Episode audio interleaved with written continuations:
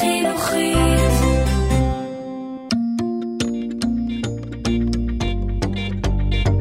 איך העולם עובד?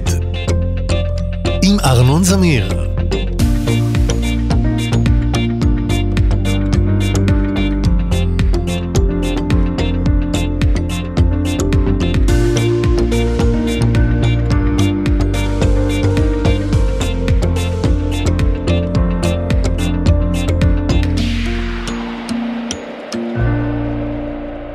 כשאני מתכונן לכתוב פרק לתוכנית, אני אוהב לשאול את האחיינים שלי אם הנושא נשמע להם מעניין.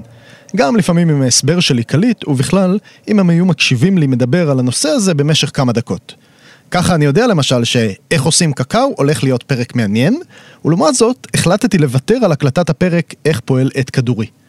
מסתבר שהרבה פחות ילדים ממה שחשבתי מתעניינים ביחסי הכוחות בין הקפיץ לבין מידת הנוזליות של הדיו. אגב, על הפרק בנושא עננים בכלל לא היה על מה לדבר. אף על פי שיכולתם ללמוד בו איך מבדילים בין ענני צירוסטרטוס לענני צירוקומולוס. משונים הילדים של היום. וואט? כשדיברתי עם האחיינים שלי על הפרק של היום, הם אמרו לי שהם כבר יודעים. כלומר, מה זאת אומרת איך מחשב עובד? אנחנו יודעים את זה. מקליקים בעכבר על האייקון שאנחנו רוצים, ואז נפתח הדפדפן, ואז מקלידים כתובת של אתר, וזהו. מה צריך לדעת? בכלל, מחשבים זה לא מעניין. אולי תעשה פרק על אייפון, או על פלייסטיישן, או על איך פועלת טלוויזיה? פה השתכנעתי. הילדים האלה חייבים פרק על מחשבים. לא רק כי איך מחשב פועל זה נושא מעניין, אלא בייחוד כי אין להם בכלל מושג מה זה מחשב. אז מה זה מחשב ואיפה אנחנו מוצאים כאלה? קודם כל, מחשב הוא לא הדבר הזה עם המקלדת, עכבר והמסך. זו לא ההגדרה. זה גם לא הדבר הזה שמשחקים בו במשחקי מחשב. גם זו לא ההגדרה. מחשב הוא מכונה שאפשר לתכנת. זו ההגדרה. טוב, זו לא ההגדרה היחידה. אפשר למצוא עוד כמה. אבל זו ההגדרה הכי חשובה לנו היום. מכונה שאפשר לתכנת אותה. אתם מכירים מכונות נוספות. יש לכם בבית מכונת כביסה ומכונת תפירה, ובחוץ יש מכונית שהיא מכונת נסיעה, ואולי אפילו יש לכם בחדר אמבטיה מייבש שיער, שהוא מכונה לנשיפת אוויר חם על ראשים רטובים. כל המכונות האלה מיועדות ומסוגלות לבצע פעולה אחת שלשמה הם נוצרו. מכונת כביסה עושה כביסה. אז לפעמים היא יכולה לחמם את המים יותר או פחות. היא יכולה לסחוט חזק או חלש. היא יכולה להוסיף מרכך. בשורה התחתונה, לשטוף ולסחוט כביסה, זה מה שהיא עושה.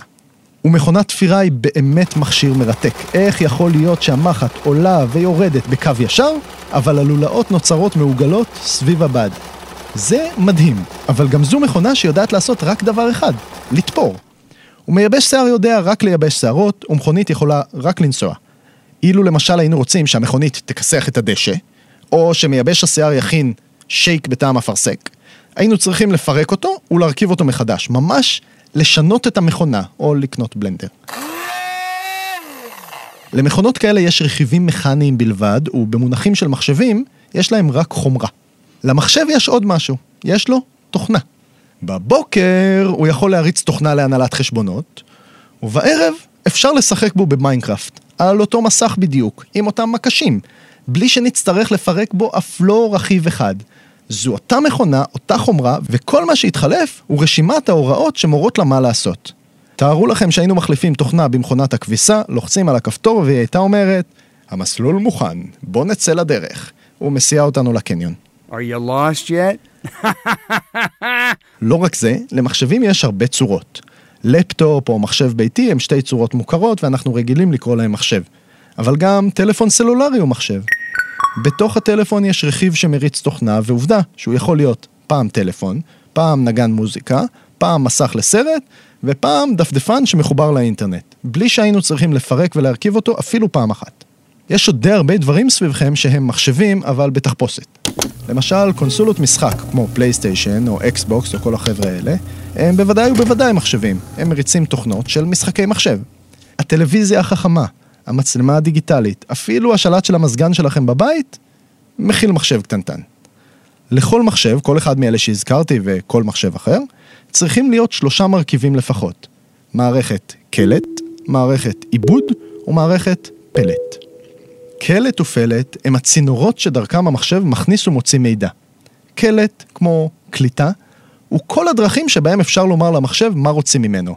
למשל, השלט של האקסבוקס, הכפתורים בשלט של המזגן, מקלדות, עכברים, מסכי מגע, ובשנים האחרונות, מאז שאלקסה ואוקיי גוגל נכנסו לנו לחיים, אז גם המיקרופונים, כולם אמצעי קלט.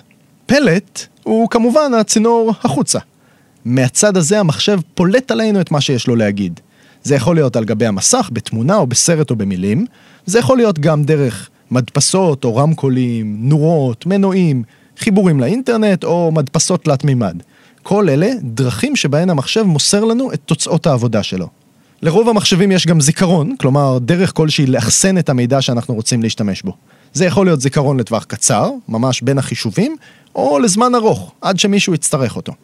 אבל, לב המחשב הוא מערכת העיבוד. זו היחידה שבה המחשב עושה משהו עם כל המידע שנשלח אליו.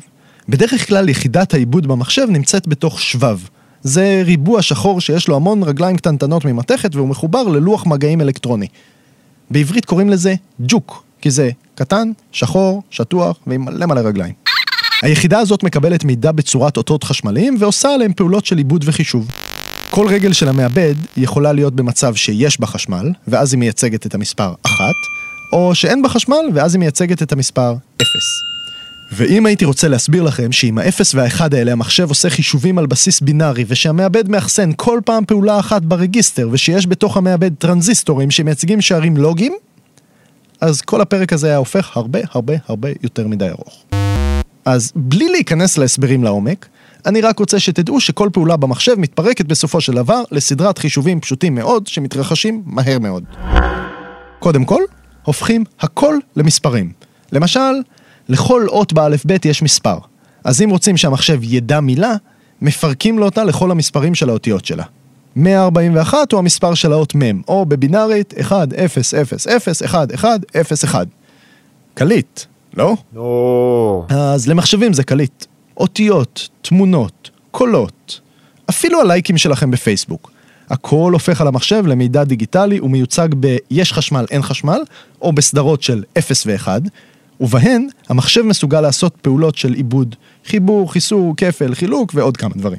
למשל, כדי לצייר על המסך פריים אחד, תמונה אחת מסרט, המחשב מבצע כמה מיליארדים של חישובים כדי לדעת איפה למקם כל נקודה, והוא עושה את המיליארדים האלה 30 פעמים כל שנייה.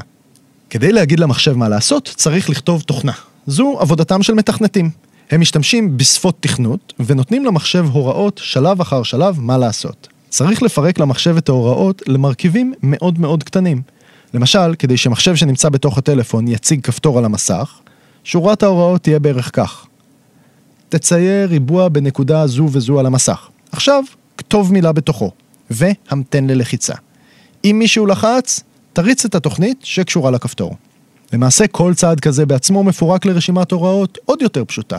לצייר ריבוע על המסך יהפוך להוראה של תצייר קו, ועוד קו, ועוד קו, ועוד קו. גם כל קו יפורק לשורה של נקודות, וכן הלאה. למזלם הרב של המתכנתים, הרבה מאוד מההוראות הנפוצות, כמו איך ליצור כפתורים ומה לעשות אם מישהו נגע במסך, כבר נכתבו, ומעט מאוד מתכנתים צריכים לעסוק בפרטים האלה היום. הרוב יכולים להתרכז במה יעשו הכפתורים ואילו שימושים עוד לא הומצאו למצלמה של טלפון. מחשבים מסוגלים לעשות המון. הם מהירים מאוד, הם לא מתבלבלים והם לא משתעממים ויש להם יתרון עצום. הם עושים בדיוק מה שאומרים להם. מצד שני, יש להם חיסרון עצום. הם עושים בדיוק מה שאומרים להם. אז אם משהו שכתוב בתוכנה הוא במקרה לא מדויק, המחשב יעשה בדיוק מה שאמרו לו, גם אם זה לא הדבר הנכון. לשגיאות של מחשבים קוראים באגים, והן עלולות לגרום לתוצאות ממש מוזרות, כמו דמות במשחק מחשב שעוברת דרך קירות, או קפיצות על המסך באמצע סרט. אבל אם במקרה המחשב הזה בדיוק מטיס מטוס או נוהג במכונית אוטונומית, או אפילו רק מפעיל אפליקציה לניווט, באג בתוכנה עלול להוביל לתוצאות קשות. זו הסיבה שהמתכנתים משקיעים שעות רבות בחיפוש של כמה שיותר שגיאות בתוכנה שלהם וניקוש שלהן. הפעולות האלה נעשות קשות ומסובכות ככל שהמערכות סביבנו הופכות להיות מורכבות וגדולות יותר. ומה יהיה בעתיד? נראה שהחידוש הגדול הבא בעולם המחשבים הולך להיות מחשבים קוונטיים. אלה מחשבים שיש בהם עוד מצבים חוץ מ-יש חשמל ואין חשמל, או 0 ו-1. כלומר, במחשבים קוונטיים יש מצב של יש חשמל ואין חשמל, אבל יש להם גם מצב ביניים של גם חשמל וגם אין חשמל, או של אולי חשמל, באותו זמן. כלומר, גם 0 וגם 1, או לא זה ולא זה. זה פותח פתח למחשבים הרבה הרבה יותר מתוחכמים ובקנה מידה יותר מהירים ממה שאנחנו מכירים כיום. תארו לכם, לפני 100 שנים בלבד לא היו מחשבים בכלל. ולפני 50 שנה, בתקופה שסיכוי טוב שסבא וסבתא שלכם זוכרים טוב מאוד, המחשבים היו בגודל של חדר ונורא יקרים ומאוד נדירים. אז איפה יהיה העולם כשבכיס של כולנו יהיה מחשב קוונטי? אני חושד שלבקש מאיתנו לדמיין את זה, זה כמו לבקש ממי שנולד לפני המצאת הדפוס, שידמיין את האינטרנט. אי אפשר לעשות את זה, פשוט אין לו את המילים. אז צריך לחכות ולראות.